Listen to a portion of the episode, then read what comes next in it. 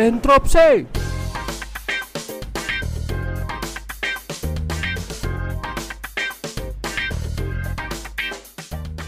Ya, halo teman-teman, berjumpa lagi di podcast Interupsi, podcast yang membahas segala hal tentang ya apa pun itu, baik itu sains, teknologi, maupun sosial politik.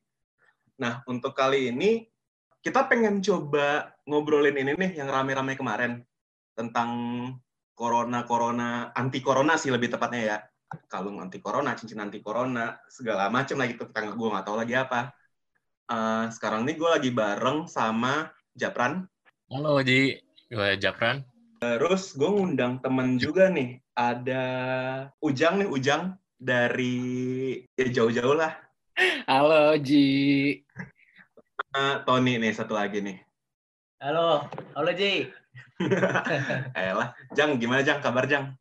Sehat, Ji. Gue kangen Indonesia nih, pengen balik. Eh, lu di mana sih sekarang? Gue di Inggris, coy. Oh, Apa kuliah? gawe apa kuliah? Sekolah, sekolah. Kuliah. Gue lagi S3 ceritanya di sini. Oh, ceritanya. Lu S3-nya kuliah ambil apa, apa kalau boleh tahu? Um, di sini kebetulan di Departemen Fisiologi, Anatomi, dan Genetics eh, melakukan studi menggunakan stem cell, studi obat menggunakan ya teknologi stem cell Gila, gila, gila. Oxford ya. di Oxford. Canggih. ya. Oke nih, satu lagi nih, Ton. Iya, kenapa? Kenapa? Kenapa? Kenalin lah, kenalin lah. Oh, kenalin lah. Oke, jadi saya perwakilan dari netizen kepo. Kalau lu sendiri lagi sibuk apa sih? Lagi sibuk ngerjain obat buat cuci darah. Oh, berarti buatnya dikerjain. Eritro eritropoietin ya, hormon pembentukan sel darah merah. berarti emang lu anak-anak biotek banget lah ya. Kebetulan iya lagi kerja di pabrik obat. Oke lah, oke lah. Gue pengen cerita dikit nih. Kemarin kan kalau misalnya obat anti corona kan sekarang semua orang pada coba ngerjain ya. Maksudnya nggak obat sih, macam-macam lah. Vaksin, bahkan alternatif-alternatif lain kayak yang baru-baru ini di Indonesia tuh adalah kalung nih, kalung anti corona dan bentukannya itu nggak cuma kalung, ada yang inhaler, terus roll on, jamu segala macem Balsam. dan sebenarnya menurut gue nih fenomena ini nggak baru gitu. Uh, masalah klaim-klaim anti corona. Di belahan dunia lain juga ada yang dulu tuh sempet kurkumin nih kalau nggak salah nih. Terus si chloroquine juga menurut teman-teman tuh sebenarnya udah bener nggak sih klaim-klaim yang kayak gitu? Atau sebenarnya tuh untuk obat corona yang sebenarnya itu udah ada belum sih? Ya maksudnya corona di tubuh manusia tuh gimana sih? Ntar infeksi kejadian apa yang terjadi dalam tubuh lah bahasa bahasa ringannya Oke, jadi corona ini, corona ini kan termasuk virus ya. Nah, virus ini dia bekerja dengan membajak sistem genetika di dalam sel sehingga dia bisa memperbanyak dirinya sendiri.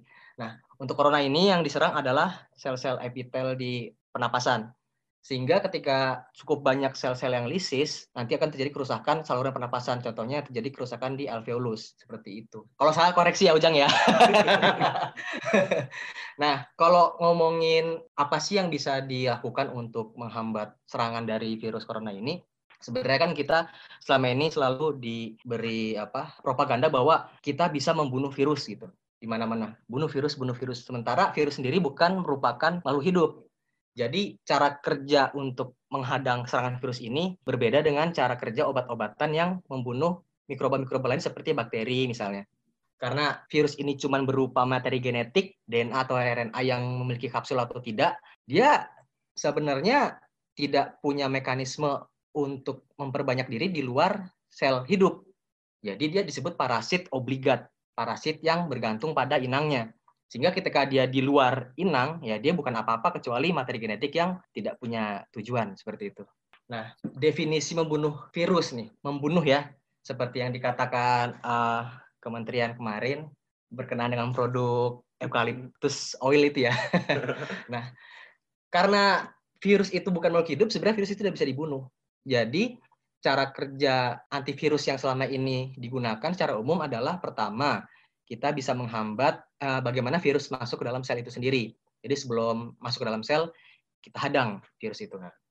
Kedua, ketika virus itu sudah masuk ke dalam sel, kita bisa hambat replikasinya. Kita bisa uh, stop dia supaya dia tidak bisa masuk ke dalam uh, genetik sel inang. Nah, ketiga, ketika misalnya kita sudah terlambat menghadang virus tersebut dan dia sudah masuk dalam tahap uh, perbanyakan genetik, kita bisa menghentikan sel-sel lain untuk tidak ikut uh, Terinfeksi. terinfeksi. Jadi ada yang namanya interferon, dia bisa menghentikan penyebaran dari uh, materi-materi genetik yang sudah direplikasi tersebut. Jadi kalau untuk di luar kinerja tiga metode tersebut, saya rasa sih ya tidak bisa dikatakan membunuh virus ya, apalagi membunuh gitu. Eh, bentar, bentar. Tadi berarti tuh ngeblok. Pertama tuh ngeblok si virus biar nggak Ah, masuk ke biar sel. nggak masuk ke dalam sel. Terus yang kedua tuh kalau udah terlanjur masuk ke sel, seenggaknya dia nggak ikutan replikasi. Ya, Kalau udah terlanjur replikasi, seenggaknya dia nggak nyebar ke sel-sel sel lain. Tapi tuh ada ada ininya nggak sih kayak misalnya zat apa yang bisa mencegah itu? Atau udah ada nggak sih penelitian-penelitian ke arah sana untuk yang COVID ini? Sejauh ini sih ya cuma di kloroquine kemarin ya terakhir ya. Eh, iya, yang sempat ada pembahasan agak-agak ilmiahnya tuh kloroquine. Ya, tapi itu dia masuknya di imunosupresor bukan ya itu ya? Nanti tolong Ujang konfirmasi ya. Iya, iya. Ya, jadi kloroquine ini sebenarnya dia kerjanya sama dia yang awal, mencegah supaya dia tidak berikatan dengan sel, tidak dikenali oleh reseptor gitu. Kalau misalnya kayak gitu udah bisa disebut dia antivirus nggak? Karena kan emang ya keren gitu. Iya, tadi yang sebenarnya dijelaskan udah lengkap banget ya mekanisme gimana caranya si virus itu bisa terhambat. Dan memang benar tadi kloroquine sebenarnya kan mulanya adalah obat anti malaria kan sebenarnya. Cuman si kloroquine ini ada yang kita sebut istilahnya adalah drug repurposing. Obat yang memang untuk jenis obat lain tapi kita gunakan untuk penyakit lain karena tadi si kloroquine ini punya efek si corona ini nggak bisa binding ke sel kita dan bisa dan nggak bisa bereplikasi di dalam sel kita. Tapi kalau misalnya ini tadi kan ada antivirus, terus obat, itu ada bedanya nggak sih? Nah, kalau ditanya ada bedanya obat sama antivirus apa, tadi kembali lagi sih ke prinsip di antivirusnya itu loh, Ji. Kan virus itu sebenarnya bukan makhluk hidup. Dan kita itu bagaimana caranya agar si virus itu tidak bisa bereplikasi di dalam sel inang kita sendiri. Nah, jadi antivirus itu kerjanya adalah untuk menghambat proses replikasi tadi dengan berbagai cara. Mulai dari gimana caranya biar si virusnya nggak nempel. Atau kalau udah masuk ke dalam sel inang, gimana caranya biar dia eh, materi genetiknya nggak bisa berintegrasi dengan materi genetik kita. Atau misalnya udah berintegrasi, gimana caranya kalau proteinnya sudah terbentuk, kita eh, hambat si proteinnya supaya tidak bisa kembali ke alam gitu. Nah, itu adalah antivirus. Nah, kalau obat-obatan sendiri sebenarnya kan bisa dibagi-bagi nih. Untuk saat ini tuh sebenarnya ada dua ya, bisa menggunakan obat atau vaksin. Nah, obat itu bisa sebagai antivirus atau obat yang bisa mengobati efek yang diakibatkan oleh virus. Contoh, dexamethasone. Itu sebenarnya bukan antivirus. Tapi dexamethasone ini bisa mengobati efek yang disebabkan oleh virus, yaitu cytokine storm. Karena ketika virus itu masuk ke dalam tubuh, akan ada badai sitokin atau badai imun yang akan menyerang tubuh kita. Dan itu akan bahaya buat sel kita. Nah, si dexamethasone ini akan menghambat supaya badai sitokin yang disebabkan oleh virus itu tidak tinggi. Tapi dia bukan antivirus gitu. Jadi kembali lagi untuk untuk em, untuk coronavirus ini bisa obat antivirus atau obat yang bisa mengobati komorbiditas atau efek yang disebabkan oleh virus supaya pasiennya nggak meninggal. Yang kedua yaitu vaksin. Vaksin itu bukan mengobati tapi mencegah supaya virusnya nggak masuk. Nah vaksin itu ada dua, ada yang bentuknya antibody yang dihasilkan oleh tubuh kita karena diberikan eh, virus pasif. Ada juga yang bentuknya serum atau antibody dari darah pasien yang sudah terkena vi- virus, diekstrak antibodinya ditempelkan ke pasien baru gitu, Ji. Oh, Oh. iya bentar. Ini kayaknya si si serum ini sempat ini deh yang penanggulangan COVID di Bandung kalau nggak salah ya. Mm-mm, Oh, sekarang Ekman udah meneliti nih, Ekman udah meneliti sama Bio Farma juga udah meneliti itu istilahnya adalah em, convalescent sera atau serum convalescent. Ah iya. Oh iya. Sebenarnya menurut menurut gue ya kayak penelitian-penelitian yang kayak gitu yang udah jelas gitu loh yang harus dikembangkan. Ini di ya kalau nggak- kalau nggak salah sempat rame tuh bahwa eh, banyak lah macam-macam ada minuman, ada herbal ataupun ada jamu segala macam kayak gitu. Sebenarnya efeknya sama nggak sih kayak vaksin tadi atau kayak obat itu? Pertanyaan yang sangat bagus. Jadi ini kita diskusi lagi nih ya, karena gini tadi em, sebenarnya yang bisa kita pakai untuk corona itu kan dua ya, ada obat atau vaksin. Obat untuk menyembuhkan, vaksin untuk mencegah. Obat itu bisa men- men- membunuh, bukan membunuh. Obat itu bisa supaya virusnya itu tidak bereplikasi, atau yang kedua untuk menyembuhkan efek akibat serum. Nah, sekarang jamu itu apa? Kita lihat lagi nih, tadi yang disebutkan, jamu itu kan dari tanaman ya. Sedangkan dari tanaman itu kita tidak tahu isi dari tanaman itu sebenarnya apa. Kalau kita tahu memang tadi 1,8 sineol ya, atau eukaliptol, yang kita sudah tahu mekanisme seperti apa, itu harus kita elusidasi. Mulai dari kita harus ambil ekstraknya, kita ambil senyawanya, kita uji, dan itu butuh waktu sekitar lebih dari 10 tahun. Contohnya itu adalah yang udah ada di pasaran itu contohnya adalah ya tadi chloroquine yang asalnya dari Kina, ada lagi um, vinbristin, vinclastin untuk kanker dari tanaman Vincia rosea atau ada bunga gitu di Indonesia yang bisa buat obat anti kanker. Atau juga ada artemisinin untuk malaria. Nah, itu butuh waktu puluhan tahun sampai si obat itu ada. Sedangkan jamu, kita nggak tahu isi jamu itu isinya ada apa. Nah, apakah bisa untuk jadi obat? Karena kita nggak tahu isinya, maka si jamu itu sebenarnya bisa kita gunakan hanya untuk bukan untuk mengobati, tapi untuk meningkatkan sistem imun misalnya. Dan tidak ada scientific evidence di baliknya. Jadi itu cuman hanya pelengkap aja, bukan utama. Utamanya kembali lagi obat. Jamu itu hanya pelengkap saja. Oh, oke okay, oke. Okay. Eh, tadi kan dibahas tuh kalau obat tuh lebih detail gitu ya isi kandungannya apa aja. Kalau misalkan kita tahu si jamu itu kandungannya apa aja, bisa kita sebut obat nggak? Bisa, tapi kita harus tahu dulu salah satu molekul utama yang kita udah tahu efeknya itu seperti apa. Contohnya tadi hmm. harus dalam bentuk kloroquine, atau dalam bentuk artemisinin, atau dalam bentuk vinbistin, vinclastin. Bisa, hmm. dan Berarti itu, itu memang dianjurkan karena di Indonesia kita banyak tanaman ya, dan kita penelitian untuk elusidasi supaya dapat si senyawanya ini itu butuh waktu yang sangat lama dan memang dianjurkan harus dilakukan dan tapi itu lama gitu. Menarik juga nih yang bikin obat ternyata. Iya. Nah, tapi sekarang gini, sebenarnya karena untuk jadi molekul utama itu lama, pemerintah tuh udah ada solusinya sekarang. Ada yang namanya tuh obat tradisional, dibagi jadi tiga. Ada jamu, eh, obat herbal terstandar, dan fitofarmaka. Nah, ini gue jelasin aja kali ya. Boleh, ya. boleh.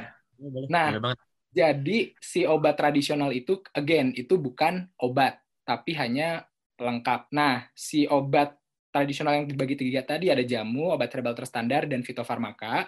Itu dibedakan berdasarkan kekuatan ujinya. Udah diuji sampai sejauh mana. Kalau misalnya hanya dari um, misalnya hanya dari testimoni masyarakat itu baru bisa disebut jamu. Kalau sudah diuji efek uh, udah diuji man, apa keamanannya. Kita bisa daftarkan ke ke apa ke Badan POM. Contohnya adalah beras kencur misalnya. Beras kencur itu kan sebenarnya nggak ada bukti ilmiah, tapi masyarakat percaya kalau beras kencur itu bisa mengobati uh, apa namanya masuk angin misalnya. Nah kita bisa daftarkan ke Badan POM ini beras kencur aman dan masyarakat bilang ini punya efek. Nah kalau si beras kencur ini sudah diuji di hewan, itu kita bisa daftarkan sebagai obat herbal terstandar. Contohnya itu tolak angin, antangin, lelap. Ini nyebut merek ya. Semoga nanti bisa di endorse. Yang ketiga itu fitofarmaka. Fitofarmaka itu kalau udah si obatnya ini sudah diuji ke hewan dan juga sudah diuji ke manusia, tapi kita nggak tahu strukturnya ada apa di dalamnya. Tahunya kita ini si obat tadi beras kencur sudah diuji ke manusia dan ternyata dari sekian puluh ribu manusia yang telah diuji, beras kencur bisa mengobati masuk angin. Nah, kita bisa daftarkan sebagai fitofarmaka dan do dokter bisa meresepkan si obat itu gitu. Tapi again, bukan obat. Itu tidak ada bukti atau senyawa yang um, efektif menyembuhkan karena itu bentuknya campuran gitu. Oh, berarti dasarnya obat tuh si senyawa tadi itu ya? Senyawa harus dalam bentuk senyawa yang diketahui efektivitas, targetnya, senyawa. keamanannya segala macam. Oke, okay, oke. Okay. Uh, Ton, berarti eh bentar. Kalau misalnya si eukaliptol ini menurut lu hitungan itu apa nih? Jamu kah? Obat-obatan kah? Atau gimana, Ton? Nah, justru itu gimana, Jang? Tadi pengen nanya ke Ujang sih sebenarnya tadi. Karena setelah kita berusaha untuk cross check ke Instagram Kementan hmm. kemarin, mereka berkata bahwa bulan depan kan akan launching. Hmm. Dan BPOM BPOM pun akan hadir di launching tersebut. Jadi mereka sudah yakin sudah mendapat izin BPOM. Nah, sebenarnya izin yang digunakan untuk merilis produk-produk turunan dari apa minyak eukaliptus ini sebenarnya izinnya adalah izin edar apa? Jamukah? Izin edarnya gimana gitu? Nah, kembali si Kementan ini udah nguji eukaliptol ini sampai sejauh mana? Kalau setahu saya baru diuji sampai sel uji sama in silico ya. In silico itu jadi dia dia di, diketahui bahwa dengan teknologi komputer dia menemukan bahwa eukaliptol ini berikatan dengan senyawa. Tapi kan produknya bukan eukaliptol, produknya itu eucalyptus um, powder tadi atau minyak kan yang Ah. belum diuji ke hewan. Menurut menurut saya ya sejauh ini saya nggak lihat itu diuji hewan. Jadi eh, daftar ke BPOM-nya ya bisa bentuk jamu atau ya hanya produk kesehatan, bukan obat herbal Jang. terstandar, bukan fitofarmaka. Gue mau nanya, berarti kalau misalnya uji-uji tuh ada tahapan-tahapan pakemnya nggak sih? Kayak misalnya harus tes satu dulu, abis tes satu, baru tes dua, baru tes tiga, sampai baru akhirnya bisa dapat izin rilis gitu. Ada. Nah, again, tadi tergantung kita mau jadiin si obat itu sebagai apa. Kalau obat secara umum, obat ya, si senyawa kimia, itu ujinya panjang, mulai dari praklinis. Praklinis itu uji melalui sel uji, in silico, dan lain-lain, uji keamanan, dan ke- setelah uji praklinis lolos, di hewan uji dan segala macam, baru masuk ke uji klinis fase 1. Itu untuk menguji atau mengecek keamanan di pasien itu pasiennya masih sedikit. Baru udah lolos nanti masuk ke uji klinis fase 2. Itu pasiennya lebih banyak lagi untuk menguji efektivitas dari obat itu. Baru masuk ke uji fase 3 yang pasiennya jauh lebih banyak lagi dan itu untuk menguji efektivitas sekaligus uji keamanan sampai nanti bisa di approve sama Badan POM. Tuh. Nah kalau jamu tadi nggak ada uji praklinis, nggak ada uji klinis. Kemudian em, obat herbal terstandar hanya uji praklinis. Kalau uji kalau fitofarmaka itu sampai ke uji klinis 1, 2 dan 3. Eh, bentar, uji klinis 1, 2, 3 tadi bedanya apa? Gue rada agak bercampur-campur gue ya. ya nih, maaf nih, awam nih.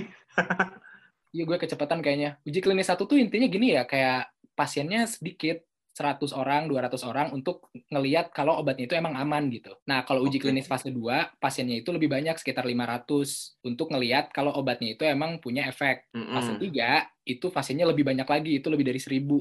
Itu untuk ngeliat keamanan dan efek juga. Biasanya berapa lama tuh? Hmm, Bisa dapat bagus. sampel 10 gitu. sampai 15 tahun sampai obat itu diterima. Approve fase 3. Buset dah ini aja Indonesia COVID-nya sehari bisa nambah 1000 2000 gimana lagi nunggu 15 tahun dah. Nah, pertanyaan yang bagus ini diskusinya bagus. Bagusnya adalah gini loh. Berarti kalau gitu kita nggak bisa dong nemuin obat baru buat COVID karena buat nemuin obat baru butuh 15 tahun kan? Mm-mm.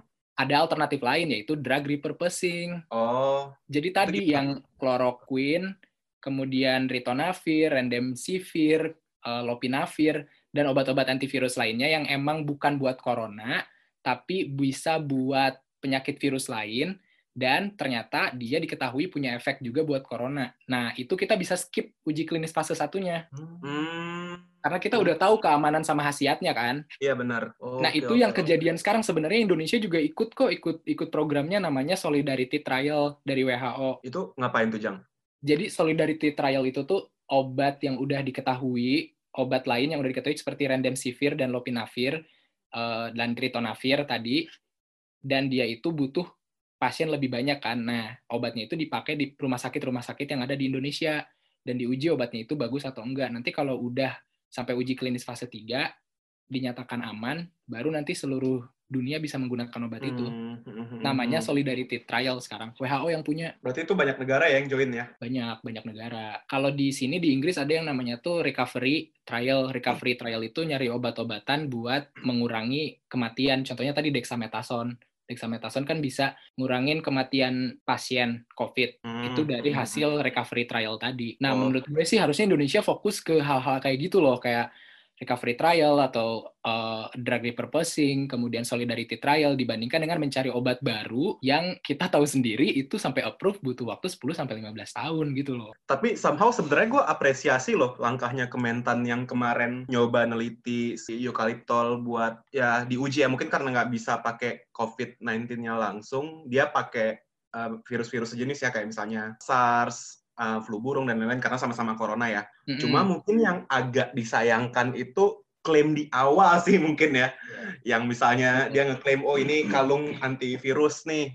Padahal ya sebenarnya tuh menurut gue tuh semangat untuk memberi impact lebih kepada dunianya tuh udah tinggi. Cuma ya mungkin agak-agak disayangkan aja. Kalau menurut kalian gimana sih si gegabah claiming ini menurut kalian? Ujang dulu, siapa?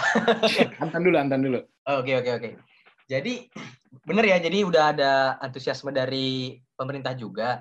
Cuma bahaya dari misinformasi itu sendiri. Jadi kalau saya udah coba himpun informasi dari beberapa teman saya yang juga berkecimpung di bidang ini, ada satu hal yang mereka takutkan. Ketika produk tersebut dirilis dengan tagline anti virus corona bisa membunuh 80% virus corona, ketika mereka gunakan, orang awam akan langsung merasa kebal terhadap corona. Jadi ibaratnya produk-produk tersebut adalah jimat anti corona. Nah, ketika Jimat. ketika sudah memakai produk tersebut, mereka akan mengabaikan protokol kesehatan yang sudah diterapkan selama ini. Padahal efeknya itu tadi belum diuji klinis.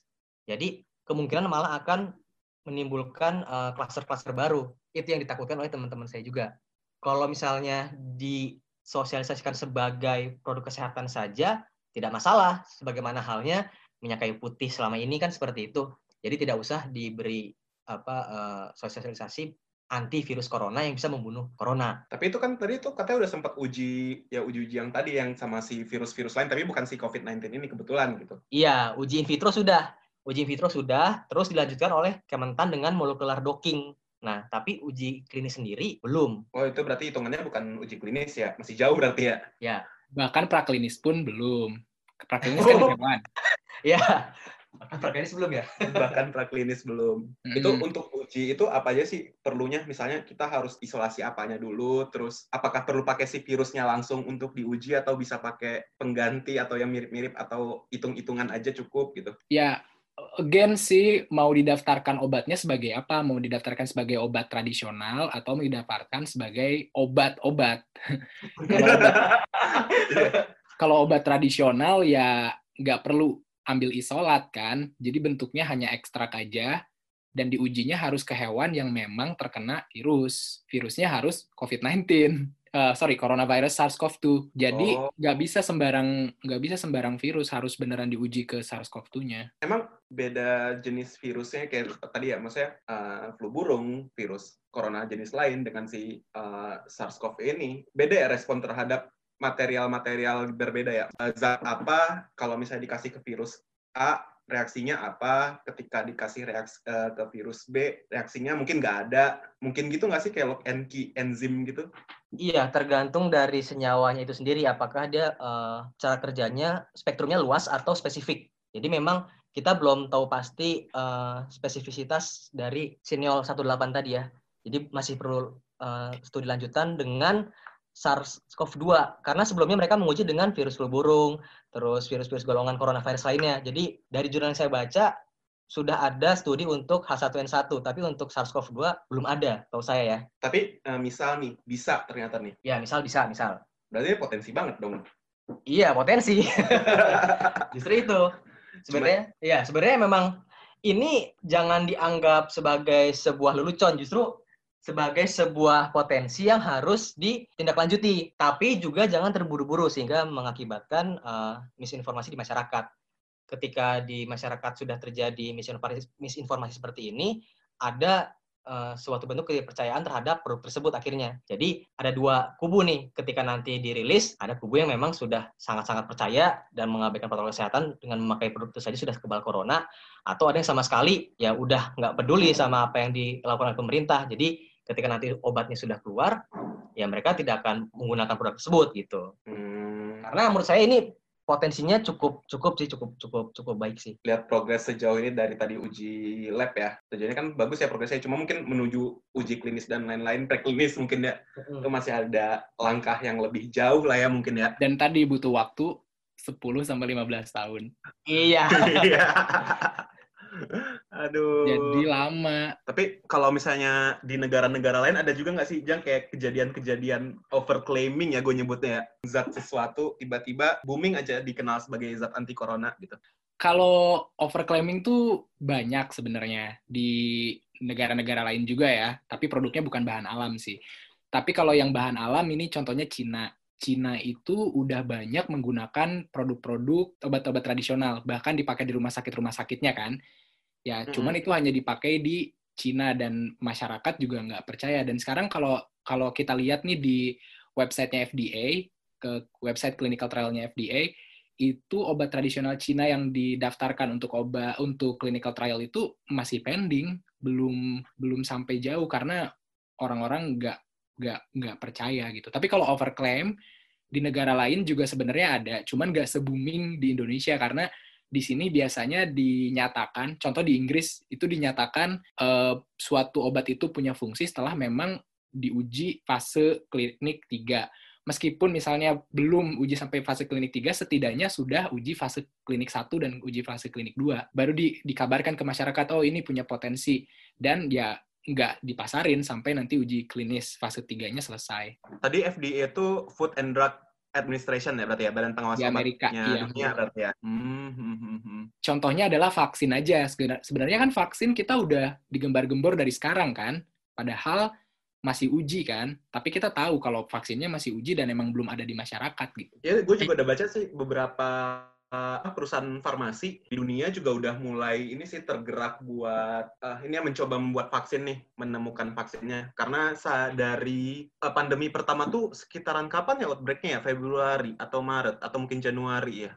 Ya di sekitaran segitu juga kan udah mulai banyak ya uh, apa industri-industri farmasi yang mulai bergerak nih uh, bikin vaksin. Ada apa aja cuma gue rada lupa. Iya, jadi kalau untuk apa progres dari farmasi dunia sendiri, ada sudah yang di sini fase 3 itu tolong di cross check ya Ujang ya. Ini AstraZeneca hmm. dan Oxford. Apa itu betul itu. Sudah betul sampai sekali.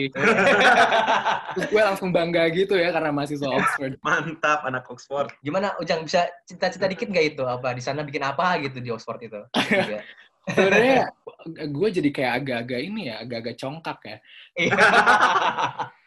Sebenarnya uh, penelitian di sini udah lumayan banyak. Kalau kita lihat nih jurnal jurnal penelitian yang dipublish oleh beberapa kampus itu ya ya Oxford, Harvard dan beberapa kampus di Cina udah mulai racing dan dan penelitian terhadap SARS-CoV-2 ini memang sangat tinggi dan memang lagi gencar-gencarnya juga di sini bukan hanya untuk vaksin ya. uh, tapi juga buat obat kayak dexamethasone atau misalnya future direction kayak meng, me, apa membuat model baru menggunakan teknologi uh, sequencing dan lain-lain untuk mencari obat-obatan baru. Nah, untuk vaksin karena memang karena memang di Oxford ini ada satu departemen yang khusus mengembangkan vaksin jadi mereka itu udah punya platformnya semenjak dulu ketika ada SARS-CoV-1 dan juga MERS, MERS yang uh, yang dari dari Middle East itu. Jadi 2012 platform bukannya itu ya MERS ya? Apa uh, 2013 ya? Ya segitulah. Ya, tahun, ya tahun 2000-an.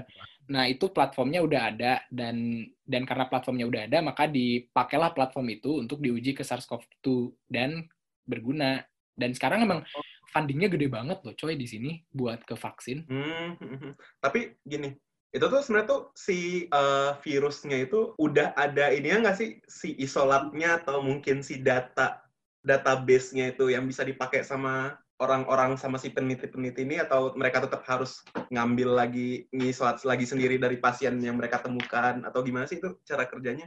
Sebenarnya semenjak outbreak ini kejadian di Wuhan, para peneliti itu langsung nge-sequencing si virus ini kan. Jadi materi genetiknya langsung ketahuan. Karena sekarang udah zaman teknologi nih, si si virusnya udah ketahuan nih. Kayak kalau manusia mah gitu ya, profilnya itu udah ketahuan matanya kayak gini, hidungnya kayak gini. Nah, kemudian dibuatlah gambarnya dan dikirim ke berbagai peneliti di seluruh dunia. Nah, peneliti di seluruh dunia itu mulai membuat atau merekonstruk materi genetik itu. Jadi bikin virus buatan dari informasi yang udah didapatkan dari Cina. Itu yang pertama. Yang hmm. kedua, atau isolatnya itu langsung dari Cina sendiri dikirim kayak gitu. Tapi itu bener-bener kayak strict banget gitu loh. Susah banget untuk dapetin sampelnya karena bener-bener bahaya juga kan ya kita nggak tahu. Hmm, hmm, Tapi kalau di pertanyaan tadi, apakah uh, setelah ada outbreak itu sampelnya langsung dapat? Sampelnya langsung dapat dengan dua cara tadi. Bisa dari langsung sequencing uh, materi genetiknya itu diberikan ke seluruh dunia dunia dipublikasi dan atau isolatnya tadi dikirim. Hmm.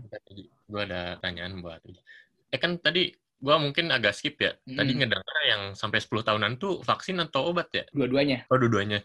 COVID nih baru ya dibilang booming lah ya, boomingnya di Januari lah, katakan hmm. Januari. Hmm. Nah itu berarti apakah memang betul mesti 10 tahun atau sebenarnya bisa lebih cepat nggak sih buat nemuin vaksin atau obatnya itu? Kan um, semua yang kita butuhin sebenarnya kan kepastian itu tuh. Iya. Kapan? Sebenarnya obat itu lam, obat itu lama karena kita harus nyari pasiennya kan, nyari pasiennya plus juga approvalnya kayak administrasi dan segala macam itu kan butuh waktu lama. Nah kalau yang vaksin yang sekarang itu kenapa cepat ya karena semua orang butuh gitu jadi jadi di, dipercepat gitu prosesnya ada beberapa nggak dikat sih cuman ada beberapa proses yang yang harusnya misalnya kayak pendaftarannya itu 10 hari dipercepat jadi dua hari gitu loh. Yeah, nah, ya. uh, nah tapi kalau obat, again kalau mau obat baru itu kita nggak bisa se- secepat itu. Makanya tadi ada solusinya adalah drug repurposing. Obat yang kita udah tahu ada, contohnya adalah lopinavir, ritonavir, dan obat-obatan itulah ya. Itu kan udah ada sebenarnya obatnya, tapi buat buat virus lain yaitu HIV. Nah, ternyata diketahui karena memiliki fungsi yang sama, kita bisa repurpose atau alih guna buat COVID. Nah, itu bisa lebih cepat. Bisa mungkin kurang dari 10 tahun, bahkan 2 tahun, 3 tahun mungkin juga bisa. Yang Hmm. sekarang lagi dikerjain sebenarnya. Tapi kalau mau nemuin obat baru, tadi kalau misalnya Kementan misalnya ingin menjadikan eukaliptol sebagai obatnya, mau nggak mau itu harus emang lama gitu. Eukaliptolnya ya, bukan bukan jamunya, tapi eukaliptolnya. Itu kalau mau dijadiin obat. Kalau mau dijadiin obat, ya. Obat yang obat ya tapi ya, bukan obat tradisional atau obat gitu ya. Iya. Obat registrasi. Oke, oke, oke. Tapi agak lucu ya jadinya buat anak kok coba-coba. Iya, itu Oke, oke, oke, oke. Jang, kalau di sana tuh gimana nih eh, protokol kesehatan? Masih ketat kah? Atau lu juga nggak tahu di Indonesia seketat apa sekarang? Ya gue agak tahu sih di Indonesia, seke- cuman menurut gue Indonesia lebih trendy ya. Di sini tuh jarang banget loh orang-orang yang pakai face shield. Di Indonesia tuh kayak itu udah kayak jadi fashion gitu nggak sih? Gue kayak iri banget. Beneran deh, gue iri banget sama teman-teman di Indonesia tuh kayak trendy banget gitu pakai face shield, terus pakai masker dan segala macam. Di sini tuh kayak nggak nggak ada loh, nggak peduli gitu. Nggak peduli. Denger-denger kan kemarin tuh si Inggris sendiri udah ini udah nurunin si lockdownnya ya? Iya, sekarang udah mulai em, udah mulai nggak ada lagi lockdown dan udah mulai mulai boleh mengunjungi orang-orang di beda rumah. Namanya tuh strategi bubble namanya. Bubble tuh gimana maksudnya? Jadi kayak misalnya ada orang pacaran nih ter- terpisah jauh dari beda rumah gitu ya, udah boleh saling mengunjungi satu sama lain. Gitu. Oh, cuma Kalau dibatasi yang satu boleh- bubble. Hmm? Oh, iya di bubble. Tapi itu nggak takut ini outbreak lagi apa? Karena kan kayak tadi vaksinnya belum ada, obatnya belum ada, terus tiba-tiba outbreak aja Iya, panik. Ini ya? pertanyaannya jadi politik banget sih sebenarnya teman-teman di Oh. sini juga. Iya orang-orang di sini juga agak-agak mengkritik pemerintah sih kenapa begitu cepet gitu ngasih keputusan ini. Ini juga sebenarnya di sini juga lagi debat dan banyak pro kontra juga sih. Banyak juga yang nyalahin pemerintah kayak kenapa sih harus buru-buru banget diudahin lockdownnya. Apalagi banyak masyarakatnya di sini kan sebenarnya lebih santuy gitu loh dibanding dengan orang-orang di Asia menurut gue ya. Iya sih, menurut Kalau gue menurut ya. gue lo lihat dari pemerintah itu, pemerintah Inggris nggak jauh lebih bagus kok. Mungkin mudah-mudahan nggak denger nih ya pakai bahasa Indonesia juga sih. Menurut gue kayak nggak lebih bagus dari pemerintah Indonesia sih menurut gue ya dari segi Betul. kebijakan. Ya menurut gua untuk Indonesia kebijakannya itu tinggal dimatengin lagi aja sih. Maksudnya kalau misalnya kita beneran fokus physical distancing sambil nunggu si obat-obatan ini jadi, ya insya Allahnya kasus bisa turun lah ya, nggak sampai naik nih. Di Inggris sendiri udah stagnan kan ya kalau nggak salah. Mm-mm. Ya sebenarnya pemerintah Indonesia tuh menurut gue be- udah bagus sebenarnya eh, dalam beberapa langkah tapi ya tadi ada nggak semua juga sih nggak semua nggak semua kementerian misalnya punya langkah yang bagus. Eh kalau misalnya terkait Indonesia dan virus nih, kalau Indonesia sendiri tuh terlibat nggak sih terkait si pengembangan vaksin atau obat corona ini? Ah iya, jadi ada kabar baik nih dari Indonesia. Mantap. Jadi eh, Kalbe Pharma bekerja sama dengan Genexin Korea Selatan itu sedang uji klinis tahap pertama vaksin Vaksin. Ah, vaksin COVID-19 ini. Jadi nanti bulan Agustus akan masuk uji klinis tahap kedua. Eh. Yeay, tadi uji, apa, uji klinis tahap 2 tuh berarti yang pasiennya udah agak banyak ya? berarti? Iya, mau, mau ngejar mau ngejar Ujang ini ceritanya. mau ngejar Oxford. Ngejar Oxford. Tapi gue sepakat loh kalau Indonesia lebih jauh kan orang gue orang Indonesia jadi kayak bangga dengan produk sendiri gitu loh. Cintailah produk-produk Indonesia. Eh cuma menurut gua kita harus agak hati-hati sih ini terkait si cintailah produk-produk Indonesia ini kalau misalnya tadi ya bahaya overclaiming dan lain-lain. Iya, nah Karena- tadi sih gue tuh it's- istilahnya apa ya? Gue bukan mengkritik orang Indonesia sih, tapi ya tadi bener bener kata lu Ji kayak kalau misalnya orang-orang terlalu bangga dengan produk sendiri jadi malah terbutakan gitu loh. Terbutakan karena Kayak produknya tuh misalnya nggak bagus sebenarnya, tapi karena ya kita harus pakai produk sendiri jadi ya. Padahal kan sebenarnya di luar sana tuh udah banyak produk bagus yang mungkin bisa diajak kerjasama nggak sih? Apalagi ini masalah pandemik nih bukan masalah negara lagi, dan masalah dunia, ya nggak sih? Iya bener banget. Ya contoh kasusnya contoh kasusnya adalah obat yang diberitakan di Unair itu loh, yang beberapa obat, lima obat dan dua stem cell yang bisa buat mengobati COVID-19. Nah Hmm. sebenarnya kalau kita lihat ya obat-obatan yang diberitakan ini itu sebenarnya di dunia ini udah dikembangkan jauh gitu loh, udah sampai fase 2 klin, eh, uji klinik fase 2, tapi di Indonesia baru di baru dikemukakan dan ternyata oh ini berhasil menemukan obat dan ya Indonesia leading obat dan segala macam padahal sebenarnya itu udah ditemukan di dunia gitu loh. Hmm. Jadi menurut menurut gue sih kayak ada semacam rasa untuk unjuk gigi gitu loh. Rasa unjuk gigi. Kolaborasi nggak sih kuncinya menurut gue sih kayak sekarang kayak Kementan ya, Kementan kan menunjukkan kalung eukaliptus. Kenapa nggak kolaborasi dengan Kementerian Kesehatan misalnya atau kementerian-kementerian yang emang punya tujuan buat kesehatan gitu? Ya nggak sih? Iya sih. Uh, mungkin wah ini udah bahasa udah bahasannya tuh uh, bahasa politik atau apalah gue Hmm. juga kurang paham lah ya itu udah urusan pengambil kebijakan sebenarnya menurut gue cuma ya benar sih benar-benar Uh, harusnya tuh ketika ada statement ya tahu potensi lebih untuk potensi diklarifikasi gitu-gitu ya nggak Mhm. sih Jang Mm-mm, kayak misalnya bener. ketika ada klaim ini antivirus ketika ditanya se antivirus apa harus ada yang siap pasang badan buat ngejelasin Sepakat. Kalau misalnya nih kan yang udah diteliti banyak banyak lembaga penelitian kayak Eijkman dan lain-lain kan mutasi virusnya udah udah lumayan ya. Walaupun gue nggak tahu sejauh apa dari antar si virus ini tapi si mutasi itu ngaruh nggak sih nanti ke obat? Misal gue udah bikin obat nih obat tipe A eh belum sampai ujinya beres tiba-tiba si virusnya udah mutasi nggak bisa kepake lagi tuh obat. Mungkin nggak sih kayak gitu? Ah iya, ini dia yang kita takutkan ya karena memang dari eh, beberapa artikel sendiri coronavirus ini sendiri eh, SARS-CoV-2 ini memang beberapa bermutasi ya. Nah, jadi justru ketakutan ilmuwan sekarang adalah bagaimana kita berlomba-lomba dengan kecepatan mutasi virus tersebut. Jadi memang harus diusahakan oleh ilmuwan di seluruh dunia sembari mengembangkan virus juga eh mengembangkan virus, mengembangkan vaksin ya. Ayo lo, ayo lo tonton disangka dikembangin ntar. mengembangkan vaksin juga memonitor mutasi virus di seluruh dunia. Jadi harus ada mapping dari populasi-populasi strain-strain virus tersebut. Nah, itu jadi tantangan sekarang. Makanya, mengapa vaksin itu sendiri jadi lama sekali, bisa sampai berapa eh, tahun gitu ya. Ya karena kita harus uji apakah mutasi-mutasi pada virus tersebut mempengaruhi efek dari eh, kinerja vaksin yang kita kembangkan. Karena jika memang vaksin kita ternyata tidak berhasil menangkal strain yang satu, berarti harus ditemukan lagi vaksin-vaksin yang lain kan? Seperti itu. Karena pada dasarnya eh, makhluk hidup sebagai inang dan virus sebagai parasit, sebagai parasit obligat, sebagai patogen itu memang perang di antara dua eh, entitas. Jadi ya inilah perang antara Homo sapiens manusia dan SARS-CoV-2 gitu.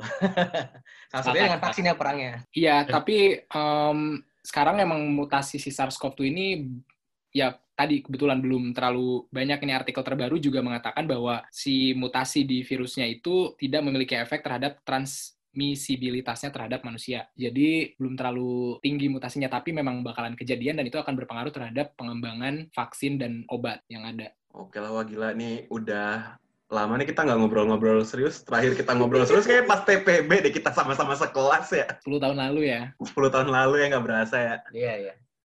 Oke lah nih buat penutup nih mungkin ya. Eh ada lagi kan yang mau ditambah-tambahin nih? Trivial-trivial gitu mungkin, Jang? Sebenarnya gini ya, gue kayak unik gitu loh kita lahir di zaman yang seperti ini sih ya. 2020 coy, hilang segitu aja gitu loh. Nggak Tapi ada gitu.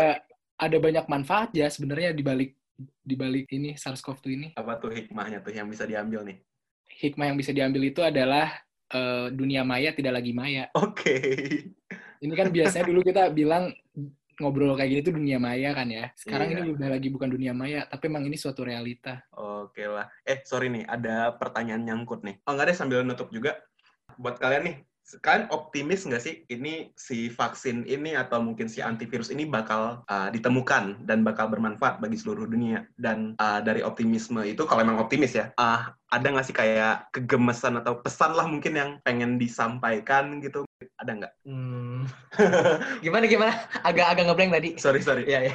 sebenarnya ini sambil nutup juga nih optimis nggak sih si vaksin ini bakal ditemukan dan apa aja nih mungkin lebih ke arah teknis-teknis yang harus uh, dilakukan nih agar si mimpi vaksin tercapai ini terwujud. Gue Eh, ngomong apa sih? Ji, sekalian Ji, Ah, apa eh, apa? atau sekalian juga mungkin ada nggak menceg apa cara-cara untuk juga mencegah di masa yang akan datang supaya ya nggak kelabakan lagi lah istilahnya Iya benar.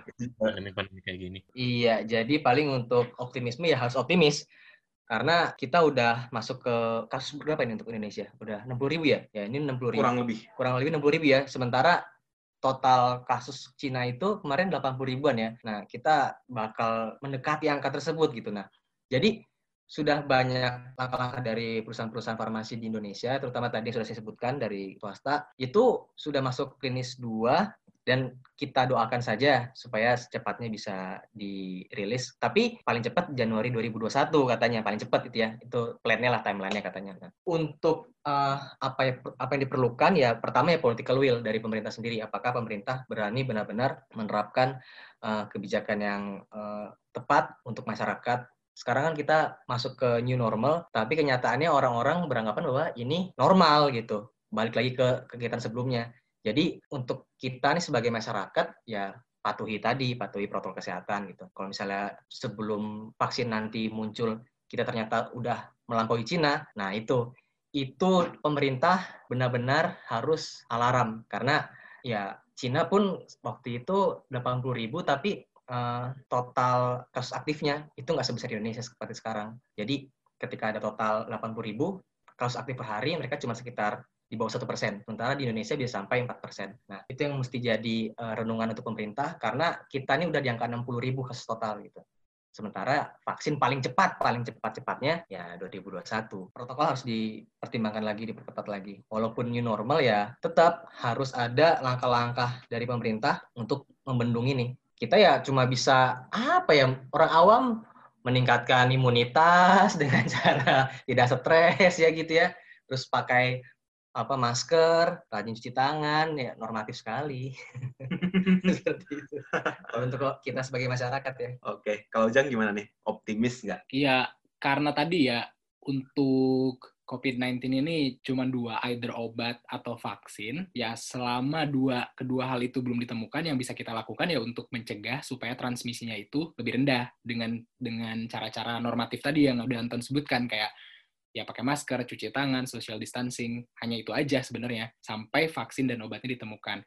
Kalau um, optimis atau enggak, sangat-sangat optimis karena sekarang vaksinnya udah di clinical fase 3 dan akan selesai akhir Agustus dan akan mulai produksi bulan Januari. Jadi optimis memang akan segera ditemukan. Untuk obatnya sendiri udah ada beberapa obat yang sudah ditemukan seperti dexamethasone dan beberapa obat lain masih dalam uh, uji klinis. Jadi optimis banget sih bisa ditemukan. Nah, unek-uneknya kayak lebih ke persiapan ke depannya aja sih. Karena kan pandemik ini gak akan selesai coronavirus doang sebenarnya. Akan ada pandemi-pandemi lainnya. Ini bukan bukan konspirasi ya. Bukan bukan diproyeksikan akan ada. Tapi emang itu inevitable gitu.